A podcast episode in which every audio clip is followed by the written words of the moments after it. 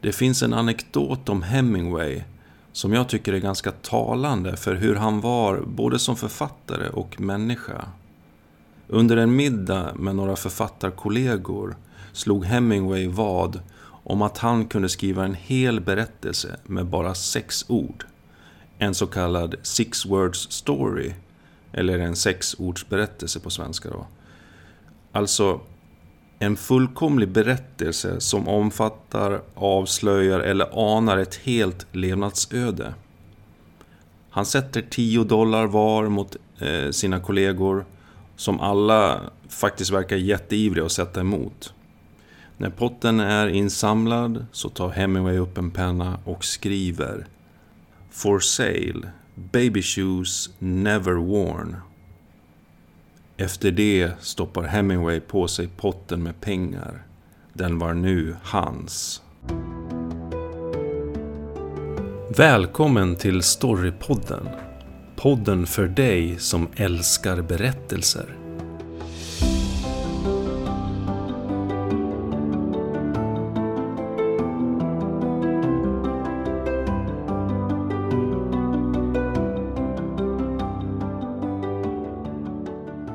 Ja, välkomna till eh, Storypodden med Olof Tideman och Rickard Eklund. Och idag ska vi prata om stora berättare. Hemingway och isbergstekniken. Ernest Hemingway, en av de stora författarna under 1900-talet. Föddes på 1800-talet, 1899 i Oak Park i Illinois utanför Chicago. Och eh, gick bort, tog självmord i eh, 1961 i Idaho. Och eh, efter eh, att ha växt upp och gått i skolan eh, så eh, utbildade han sig till journalist och begav sig senare till eh, första världskriget. Där han arbetade som ambulansförare. Han blev svårt skadad eh, under kriget eh, och märkt av detta. Eh, men han fortsatte eh, senare som eh, reporter eh, journalistiskt under slagfälten i spanska inbördeskriget. Och även också i eh, andra världskriget. Och han fick väl en smak för det här på något sätt med att eh, skildra krig och konflikter.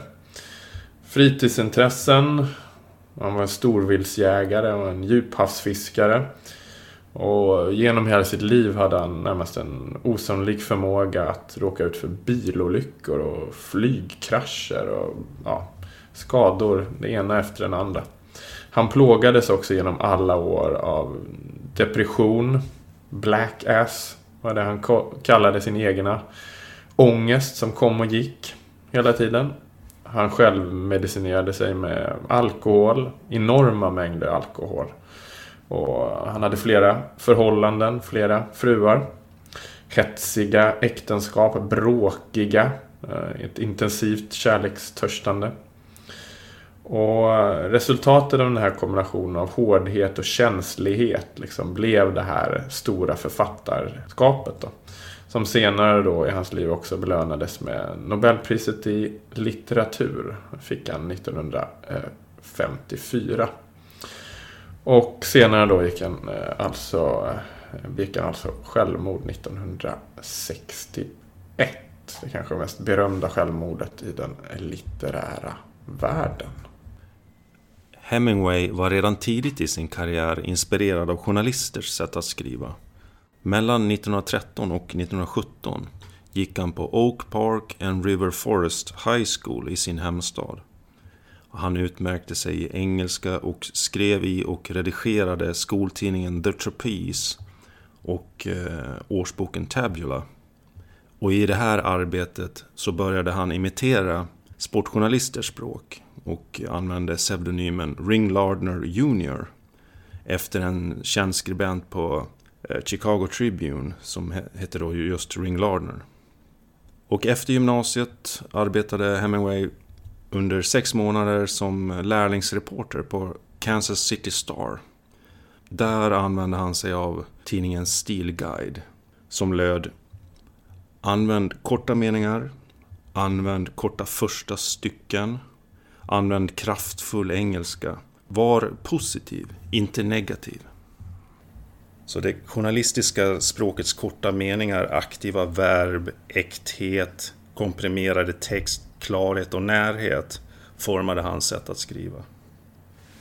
Eh, och han eh, är ju känd för sin väldigt raka, enkla stil, sin, sitt ekonomiska språk och eh, upprepning av ord och rytm. Och hans dialoger är enkla och nära vardagligt språk. Och det här utvecklar han till sin berömda isbergsteknik. Men vi kommer gå in på det lite senare. Mm, han hade ju praktiserat en hel del som journalist och, och bevakat eh, olika krig och krigszoner och skrivit reseskildringar och det tog han också med sig i sitt författarskap. Då. Men han debuterade annars då 1923 brukar man säga med eh, Free Stories and Ten Poems. Men sen ganska raskt på det så kom de här stora eh, mästerverken då. Eh, mellan 1925 och 1929. I vår tid och solen har sin gång och den jätteberömda Farväl till vapen. Och nu steg han verkligen in i, i berömmelsens stålkastare och blev ansedd som en av sin generations stora författare. Och han brukar sägas vara den mest liksom, berömda representanten för det som kallas för den förlorade generationen, the lost generation inom det amerikanska författarskapet. En grupp av unga skribenter och författare som eh, bidragit otroligt mycket när det gäller liksom den modernistiska litteraturen i början av, av 1900-talet. Och gemensamt med eller de författarna var att de hade varit direkt eller indirekt involverade i första världskriget. Då, på något sätt. Då. Men efter det här 20-talet så kom det ju fler romaner och novellsamlingar. Eh, eh att ha och att inte ha. Eh, Klockan klämtar för dig. Över floden in bland träden. Och Den gamle och havet. Och det var efter den eh, romanen Det gamla havet som man också fick då Nobelpriset. USA har ju en lång tradition av vad man skulle kunna kalla minimalistiska författare som skriver så sparsmakat, eh, kortfattat, enkelt, rakt på sak. Så. Men det börjar ju inte med Hemingway utan han eh, influerades av bland annat Rudyard Kipling, Dostojevskij och eh, hans goda vän Ezra Pound som var en del av den här The Lost Generation. Då. Eh, han kallade Ezra Pound sin närmaste kritiker också. Och titeln eh, For Whom the Bell Tolls fick han från eh, John Donnes bok Devotions upon Emergent Occasions. Och eh, efter George Peels dikt A Farewell to Arms så fick Hemingway då sin titel till just romanen med samma titel. Och i sin tur så influerade Hemingway bland annat Charles Bukowski, Raymond Carver, Jack Kerouac, Elmore Leonard med flera. Och eh, här ska vi få höra ett exempel på hans berömda isbergsteknik. Mm, och det har vi hämtat då från en novell som heter En dags väntan. Och den går så här. Han kom in i rummet för att stänga fönstren medan vi fortfarande låg i sängen. Och jag märkte att han var sjuk. Han darrade, såg blek ut och gick långsamt som om han hade ont. Hur är det med dig, Chats? Jag har huvudvärk. Det är nog bäst att du går och lägger dig igen. Nej, det är ingen fara. Jo, gå och lägg dig. Jag kommer in till dig så fort jag klär på mig. Men när jag kom ner satt nioåringen påklädd framför brasan och såg mycket sjuk och ynklig ut. Jag lade handen på hans panna och kände att han hade feber. Gå upp och lägg dig, sa jag. Du är sjuk. Jag mår bra, sa han. Doktorn kom och tog tempen på honom. Vad har han? frågade jag. 102. När jag gick tillbaka ner med doktorn lämnade han tre sorters mediciner med kapslar i olika färger och gav mig instruktioner för hur de skulle tas. Den första var febernedsättande, den andra laxerande och den tredje skulle höja pH-värdet. Influensabakterierna kan bara leva i en sur miljö, förklarade han. Han verkade veta allt om influensa och sa att det inte fanns något att oroa sig för så länge febern inte översteg 104 grader. Det här var en lindrig influensaepidemi och så länge man slapp lunginflammation var det inget farligt. När jag kom tillbaka till pojkens rum skrev jag ner hans temperatur och på vilka klockslag jag skulle ge honom de olika medicinerna. Ska jag läsa något för dig? Ja, om du vill, sa pojken. Han såg mycket blek ut och hade mörka ringar under ögonen. Han låg stilla i sängen och verkade helt avskärmad från det som pågick omkring honom. Jag läste högt ur Howard Piles Book of Pirates men märkte att han inte följde med i handlingen. Hur mår du? frågade jag. Ingen skillnad, sa han. Jag satt vid fotändan av sängen och läste för mig själv medan jag väntade på att det skulle bli dags att ge honom nästa tablett. Det naturliga hade varit att han sovit en stund. Men när jag tittade upp låg han och stirrade åt mitt håll med en mycket märkligt ansiktsuttryck. Att du inte försöker sova lite. Jag kan väcka dig när det är dags att ta medicinen. Nej, jag är hellre vaken. Efter en stund sa han. Pappa, du behöver inte stanna här inne hos mig om det känns jobbigt för dig. Men det är inte jobbigt. Jag menar att du inte behöver stanna om du tror att det kommer att bli jobbigt. Jag tänkte att han kanske yrade och vid elva när jag hade gett honom de ordinerande tabletterna gick jag ut en stund. Ute var det klart och kallt och det snöblandade regnet på marken hade frusit och det såg ut som om alla de kala träden och buskarna, det klippta riset och allt gräs hade lackerats med is. Jag tog med mig min irländska röda Zettervall på en liten promenad uppför vägen och längs med en frusen bäck. Men det var svårt att gå på den eh, glashala marken och hunden gled och halkade och själv for jag omkull två gånger och slog mig hårt och ena gången tappade jag geväret så att det åkte iväg över isen. Vi skrämde upp en flock vaktlar under en hög jordvall med överhängande buskar och jag sköt två av dem medan de försvann över vallen. En del av dem flög upp och satte sig i träden men de flesta gömde sig in i rishögarna som jag fick hoppa flera gånger på för att få vacklarna att komma ut igen. Eftersom jag stod och balanserade uppe på en isig fjädrande rishög när de väl kom ut var det svårt att sikta på dem. Jag träffade två och missade fem och vände sedan hemåt nöjd med att ha hittat en flock så nära huset och glad över att det fanns så många kvar till en annan dag. När jag kom hem igen gick jag för att höra att pojken inte hade velat släppa in någon i rummet. Du får inte komma in, hade han sagt. Du får inte bli smittad. Jag gick upp till honom och såg att han låg i precis samma ställning som när jag hade gått. Han var fortfarande blek i ansiktet, men högst upp på kinderna röd av febern och han låg fortfarande och stirrade mot fotändan av sängen. Jag tog tempen. Vad har jag? Hundra ungefär, sa jag. Han handlade 102,4. Nyss var det 102, sa han. Vem påstår det? Doktorn. Ja, du har inte mycket feber, sa jag. Du har ingenting att oroa dig för. Jag är inte orolig, sa han. Men jag kan ändå inte låta bli att fundera.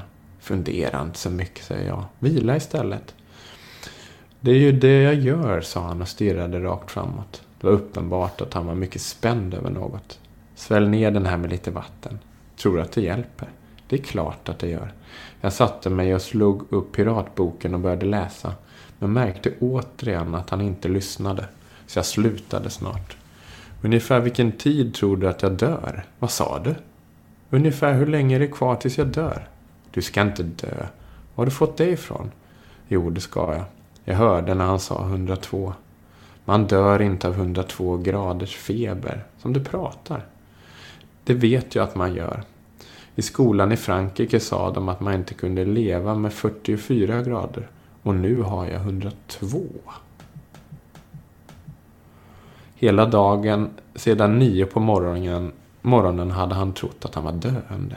Stackars lilla chatt, sa jag. Det är precis som med kilometer och engelska mil. Du ska inte dö. De använder en annan termometer. På den termometern är 37 normalt. På den här är 98 normalt. Är du säker? Alldeles säker, sa jag. Det är som med kilometer och engelska mil. Du vet, som hur många kilometer vi kör när vi kör 70 och engelska mil. Jaha, sa han. Sakta men säkert blev blicken mindre spänd. Så småningom började han även slappna av i kroppen. Nästa dag hade allting släppt och då grät han över de mest obetydliga saker.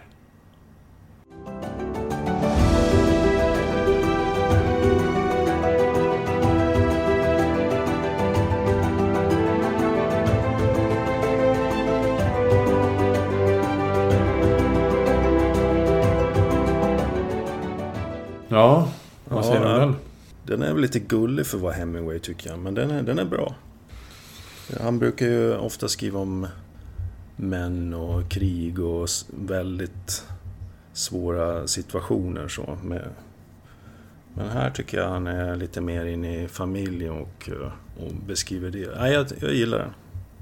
Det är just att han, han, han leker med att just det här olika ja, Fahrenheit och Celsius och, och missförståndet med det. Vad säger du själv då?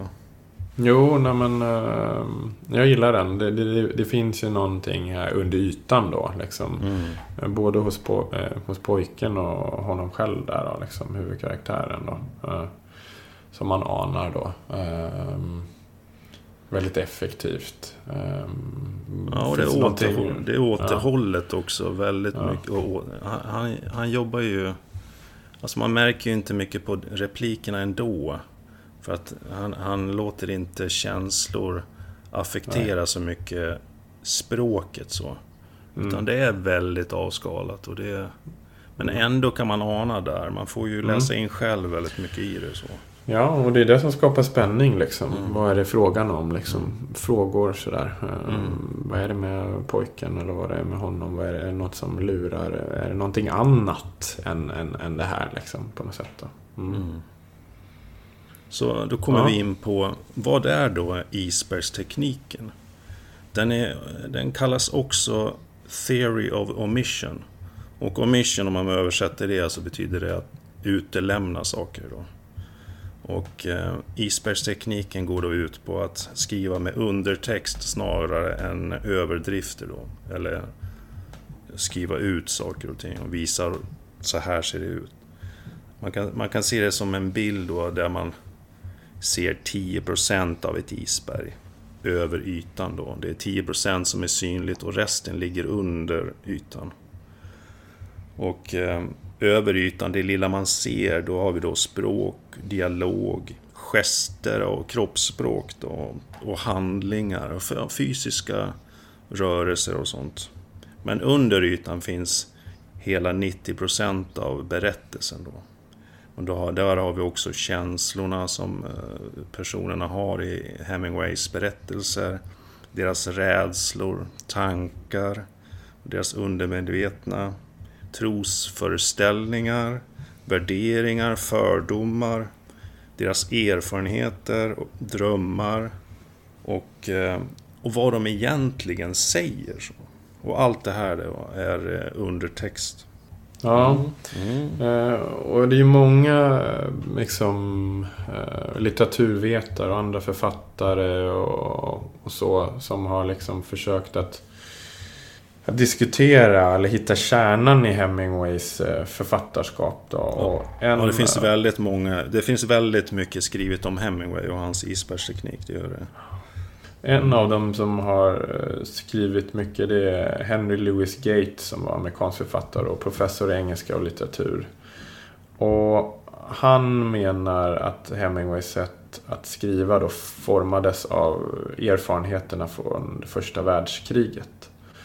Och om man kan citera honom då, eh, Gates, så, så har han bland annat skrivit att Eh, after World War I, he and other modernists lost, lost faith in the central institution of Western civilization by reacting against the elaborate style of the 19th century, uh, 1800-talet, uh, and their writers, and by creating a style in which meaning is established through dialogue, through action, and silence silences, a fiction in which nothing crucial, or at least very little, is, is stated explicitly.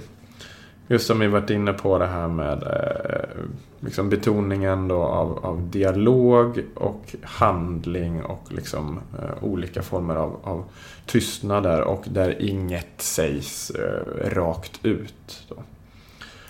Det finns en annan biograf som skrev om, om Hemingway som hette Carlos Baker. Och eh, när det gäller eh, Hemingways författarskap så menar då Baker att det här med eh, hans eh, short stories och novellskrivandet att det lärde Hemingway väldigt mycket hur han skulle formulera sig och blev liksom eh, vägledande framåt sen för hans författarskap. Då.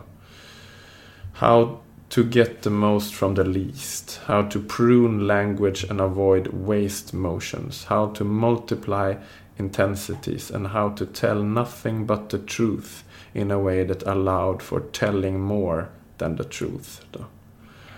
Det lilla som ger det stora och liksom hur man tämjer språket, Eh, ta bort eh, det överblivna, det extra, hur man jobbar med intensitet då, och hur man betonar liksom sanningen. Det är det som är eh, eh kärnan då. Och ja, det är ju verkligen då eh, drag av det som kallas då i isbergstekniken då. Han har också bland annat då diskuterat eh, Hemingways egen essä då, The Art of the Short Story. Och där berättar då Hemingway själv då om sin eh, metod. Då. Och då har Hemingway sagt att A few things I have found to be true. If you leave out important things or events that you know about, the story is strengthened. If you leave or skip something because you don't, do not know it, the story will be worthless. The test of any story is how very good the stuff that you, not your editors, omit återigen det här liksom att till och med kunna ta bort de absolut viktigaste sakerna i en berättelse. Liksom, på något sätt. Det vi alla det vill veta, det det verkligen handlar om. Det tar Hemingway bort. Liksom. Det, det, det, står inte utskrivet. Liksom, utan det är det som ska anas under, längst ner där på, i botten på det här isberget. Mm. Mm. Om vi går då till, till Hemingways Farväl till vapnen så om vi pratar om hur han gestaltar känslor i sina romaner och berättelser så verkar det vara så att han ansåg att det var på något sätt för lätt att visa dem rakt på sak och dessutom till och med meningslöst att göra det. Men det finns, finns ett tema som är värt att nämna i Farväl till vapnen där Hemingway sätter fingret på manlig smärta och det är lite hans grej så. Man, man kallade ju honom en mans man sådär. Och en riktig karakar. Som många uppfattar som en författare för män helt enkelt. Men, men faktum är att hans kvinnliga karaktärer är väldigt levande och rundade och full av liv i, i berättelserna. Och han gör, han gör dem faktiskt rättvisa tycker jag. Men Hemingway som jag ser det är mer inne på att beskriva just manlig ångest och smärta. Och det är väl det, det temat som man ser då. Och i Farväl till vapnen så blir det här väldigt tydligt. då.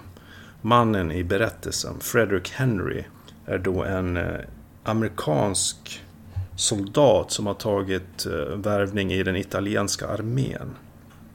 Han blir kär i en engelsk sjuksköterska Catherine Barkley.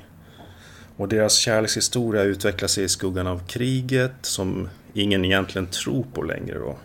Och hon blir till slut gravid, hamnar på sjukhus med svåra komplikationer. Och här kommer då ett litet avsnitt ur Farväl till vapnen, men observera att det är spoiler alerts här nu. Finns det något jag kan göra för dig, Cat? Är det något du vill ha? Catherine log. Nej. En liten stund senare sa hon. Du kommer väl inte att göra våra saker med någon annan flicka? Eller säga samma saker? Nej, aldrig. Men jag vill att du ska träffa andra flickor. Jag vill inte ha någon. Du pratar för mycket, sa doktorn. Mr Henry måste gå ut nu. Han kan komma tillbaka senare. Du kommer inte att dö. Det är dumheter. Okej, sa Catherine. Jag ska komma till dig om nätterna, sa hon. Hon hade mycket svårt att prata. Var snäll och lämna rummet, sa doktorn. Ni får inte prata. Catherine blinkade åt mig, blek i ansiktet. Jag finns här utanför, sa jag. Var inte, oreal, var inte orolig älskling, sa Catherine. Jag är inte alls rädd. Det är bara ett fult spratt. Min älskade, modiga, underbara. Jag väntade ute i korridoren. Jag väntade länge. Till slut kom sköterskan ut och gick fram till mig. Jag är rädd att mrs Henry är mycket dålig, sa hon. Jag är orolig för henne. Är hon död? Nej, men hon är medvetslös. Tydligen fick hon den ena blödningen efter den andra.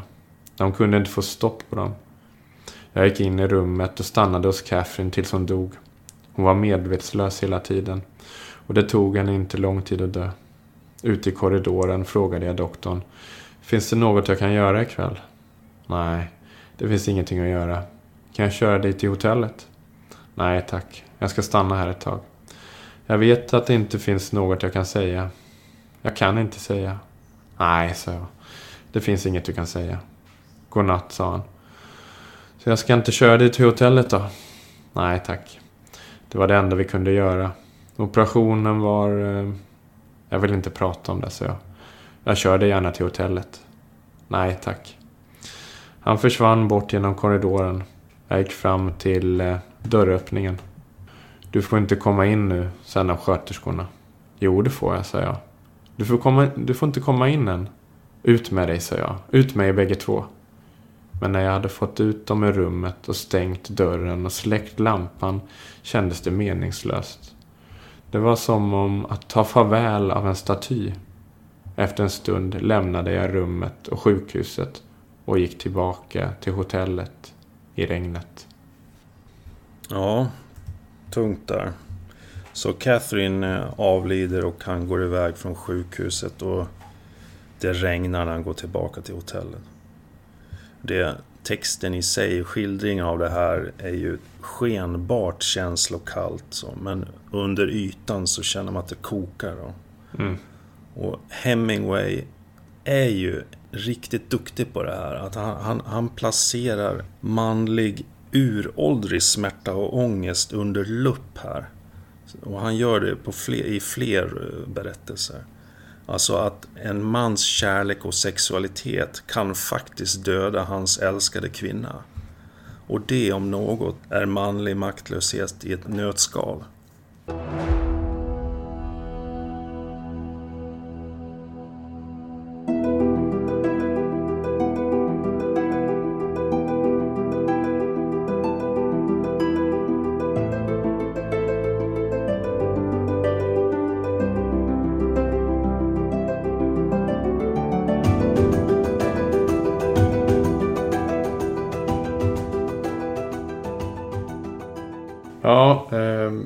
Isbergstekniken är ju att säga en sak genom att säga något annat. En dans med undertexter. Mycket av det här show, don't tell. Och det lever verkligen vidare idag i litteratur och film och tv. Där liksom kravet på det här med att effektivisera liksom tidsmässigt. Man har inte hur många sidor som helst att berätta en historia i en i en film eller en tv-serie. Så då har det här med show don't tell och isbergstekniken liksom blivit ännu vanligare liksom via, via Hemingway och andra som har använt sig av eh, isbergstekniken. Eller vad säger du? Jo, verkligen. Och det, man märker att det är... Jag menar, hela Hollywood lyder ju under den här regeln mm. show don't mm. tell egentligen kan man säga. Speciellt filmbranschen, men även litteraturen faktiskt. Det är, mm. Det är, eh, man behöver bara göra en liten googling om eh, hur man skriver noveller eller, eller, eller romaner så, så kommer det förmodligen upp förr eller senare. Det tar inte lång tid innan det kommer. Så att det här är väldigt etablerat idag och väldigt genomgående. Ehm, sen kan man ju vis visserligen diskutera show, don't tell. Men det finns ju de som menar att det, det bästa är då att show, alltså att gestalta scener och så. Sen finns det ju tillfällen där kanske inte det fungerar lika bra i, i litteratur. Då. Men det, det, är en, det är en annan diskussion så vi kanske kan ta i ett annat program faktiskt. Eh, det är lite intressant det där. Men eh, eh, man kan ju få sig lite funderare kring, kring Hemingway faktiskt. För han kräver ju sin läsare. Och ibland får man ju läsa flera gånger för att man ska se hela det här isberget och veta vad han är ute efter. Och då kan man fråga sig, fungerar isbergstekniken? Och för vem eller för vilka fungerar det? Eh, och nu ställer jag bara några frågor här. Så att, så att, kanske fungerar den då bättre för bildmänniskor då, som har förmågan att själv skapa sig bilder och känslor kring det författaren har skrivit. Och det kanske inte fungerar då lika bra för folk som är mer präglade på själva språkets valör och sånt.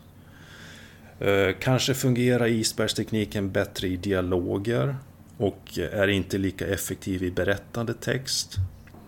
Och man kan fråga sig, det som beskrivs på pappret, kan alla skapa sig en uppfattning om vad det är författaren är ute efter och egentligen vill skildra eller gestalta?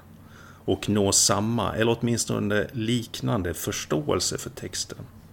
Till exempel i Farväl till vapnen, när eh, Frederick Henry, då, den här amerikanen, går till fronten, då går han ner i skyttegraven och det skjuts överallt. Eh, österrikarna eh, skjuter ju in kulor och bombar och han går in, tar sig ett glas med kaptenen och går vidare. Och allt beskrivs helt utan känslor. Det bara sker så att säga. Men man förstår att de, de dricker för att stå ut det här helvetet i skyttegraven då, medan skotten viner och bomberna faller. Och Hemingway var ju känd för återhållen värdighet, eller som någon eh, forskare har kallat Grace under pressure.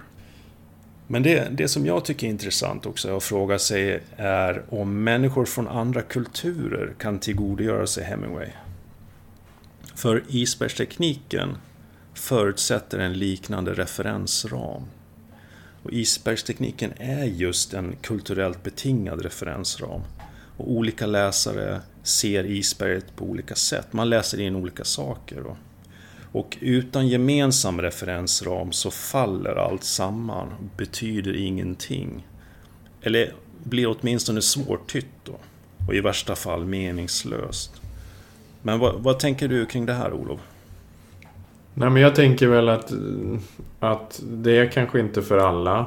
Eh, vissa läsare vill ju liksom veta direkt vad det innebär. Vad menar författaren? Vad, vad kände huvudkaraktärerna här? Vad handlade det om egentligen? Ja, vissa kanske får panik av sådana saker som är för svårtyda, för mycket under ytan. Liksom. Eh, men sen finns det ju vissa då som självklart intressera sig för eh, Ja, att liksom känna det, det huvudkaraktären själva känner på något sätt och gå och fundera och och fråga sig och liksom vad var det han menade? Att liksom ta med sig berättelsen och känslorna och frågorna till sig själv. Liksom. Och om jag bara liksom får fnula lite själv så är det ibland, det är ju väldigt ångestladdat och det är ju liksom som om Hemingway också då vill skänka eller ge vidare den här ångesten, sin egen ångest via berättelsen vidare ut till till läsaren nästan liksom. Ja, mm. Man ska ta med sig då.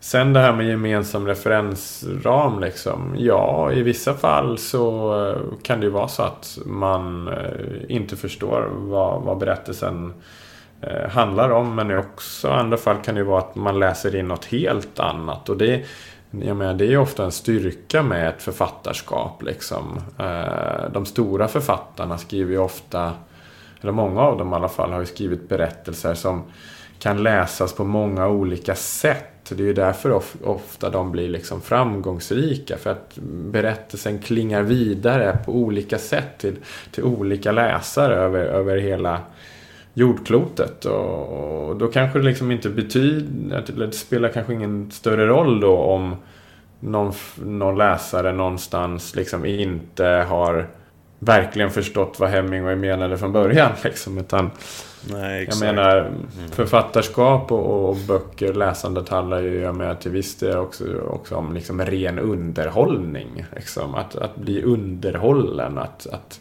uppleva saker och ting. Och, och egentligen, liksom, vem fan bryr sig om, om Hemingway egentligen pratade om någon slags eh, svåruppledd eh, barndom, om det var det som var budskapet. Och, och så tänker någon annan att eh, ja, det handlade om en, eh, en ja, Nej, förstår, bra, någon, bra, någon bra festlighet någonstans. jag vet inte. Ja, Liksom. jo, nej, men mm. absolut. Och det intressanta ändå är att om man tänker sig så här, alltså isbergstekniken, den är ju avskalad, sparsmakad, rakt på sak, eh, ekonomisk, minimalistisk. Men syftet är ju att hela tiden framkalla eller väcka känslor hos, hos läsaren. Och det är likadant inom filmens värld. Liksom. Man, man, man gör ju det genom att gestalta scener så. Men man kan ju kanske få den här uppfattningen att det där känslokalla, så att säga, eh, språket i Hemingways texter inte skulle väcka känslor. Men det är ju helt fel egentligen. Men eh, ja, jag tänkte på han som du pratade om, den amerikanska författaren och professorn i engelska, Henry Louis Gates. Han anser ju att Hemingways sätt att skriva beror på hans erfarenheter från första världskriget. Jag har faktiskt en annan idé, en annan teori som jag tror lite på. Man kan läsa mellan raderna i Hemingways texter och ja, man, man anar ju det här djupa allvaret och väldigt liten humor tycker jag. Inte som hos Steinbeck till exempel om man jämför med honom då. Eh, Hemingway var ju då, som vi har nämnt, gravt alkoholiserad och eh, hans dotter lär ju ha sagt att hennes far var en fantastisk författare trots att han var alkoholist. Eh, och då vill jag inte försköna ett missbruk, men kan det vara så att isbergstekniken har något gemensamt med, med Hemingways alkoholism? Att han så att säga aldrig nämner elefanten i rummet. Att man lyser igenom elefanten istället för att gå rakt på sak eller att så att säga gå till botten med problemen. Utan bara skumma förbi dem och inte ens upptäcker dem ibland. Kan det ligga någonting i det, funderar jag. Vad tror du, Olof? Ja, det är ju svårt att säga. Men jag menar, hans eh, alkoholism har ju liksom ändå, jag menar, måste ju ha präglat han, hans eh, författarskap väldigt, väldigt eh, mycket. Och, och det här med elef- stora elefanten i rummet. Eh, ja, jag vet inte. Det tål väl att undersöka. Hur var han själv när det gällde när det gällde att tala om sin alkoholism? Liksom? Ja, eh, med sin familj och sina fruar eller vänner. Var det liksom någonting som han smög med en del? Ja, då kanske det har någonting att göra med författarskapet. Men var han ganska öppen med det och, och söp på ganska bra, då kanske inte den förklaringen är liksom eh, lika talande. Eh, jag vet inte. Det är väl en... Eh, vi får undersöka det vidare. Ja. Vi lämnar den frågan eh, där ute nu så, så kan vi... Lämna den till eh, er, er lyssnare. att- Litteraturvetare. Ja, exakt. Ja, Ja. hur var det? Var han öppen med sin alkoholism? Söp han på bra? Satt han där på, på barerna eh, och, och hängde Mm. där liksom? Det är väl den bilden man har, men jag vet inte. Ja. Ja. Eller, så kan man, eller så har man mer den andra bilden mot de sista åren när han satt och med, gömde sig i, i sin stuga liksom. Eh, så. Ja.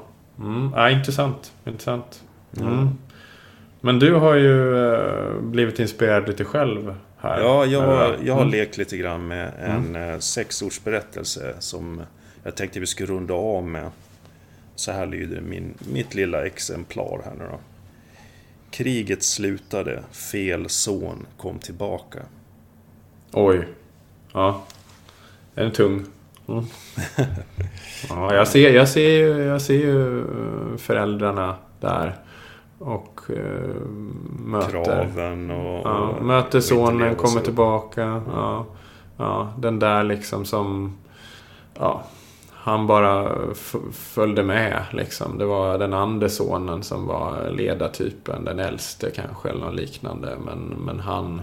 det stora Favoriten hopp. också hos... eh, Favoriten. föräldrarna. Ja, det stora hoppet. Han, han försvann där medan den...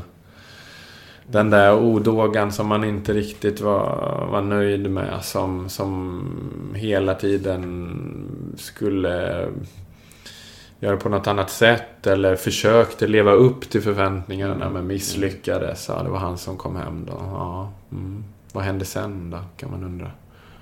Ja. Mm. Ja, det får du fila vidare på. Ja, kanske kan bli mer än sex ord. Mm. Det finns till och med en bok som har getts ut som är Six Words Stories, tror jag den heter faktiskt. Så är man intresserad av sånt så kan man eh, googla på det. Mm. Men eh, du har en uppmaning till eh, våra lyssnare du Olof. Eller vi har mm. egentligen. Ja, alltså det här med sexordsberättelser är ju ganska spännande ändå. Och nu har vi hört Hemingways och nu har vi hört eh, Rickard Eklunds förslag. Vad är nu era sexordsberättelser? Vi är jätteintresserade av att få höra några av dem. Ja. Det är jättekul om ni kunde dela med er av dem så kanske vi också kan läsa upp några sådana i kommande eh, program. Så ni kan eh, förmedla dem eh, till oss på olika sätt. Men kanske via sociala medier och, Facebook i så fall. Så kan vi liksom ta upp dem senare då helt enkelt i ett annat specialprogram. Så alltså, ja, sätt er ner sex ords berättelser. Ja, skriv på börja. Skriv på nu. Mm. Ja, annars eh, var det här lite slutvinjetten då av eh, stora berättare. Eh, Hemingway och isbergstekniken. Men det kommer eh, i framtiden komma nya liknande program om andra stora berättare. Så uh, ni får ta hand om er där ute så uh, hörs vi vid nästa tillfälle av Storypodden helt enkelt. Det gör vi. Ha det så bra nu. Hej då! Ha det bra. Hej hej!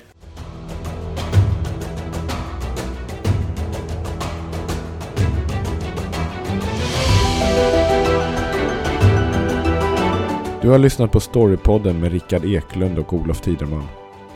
Fler avsnitt, mer info och tips hittar du på www.storypodden.se. Vi finns även på sociala medier i form av Facebook, Twitter och Instagram.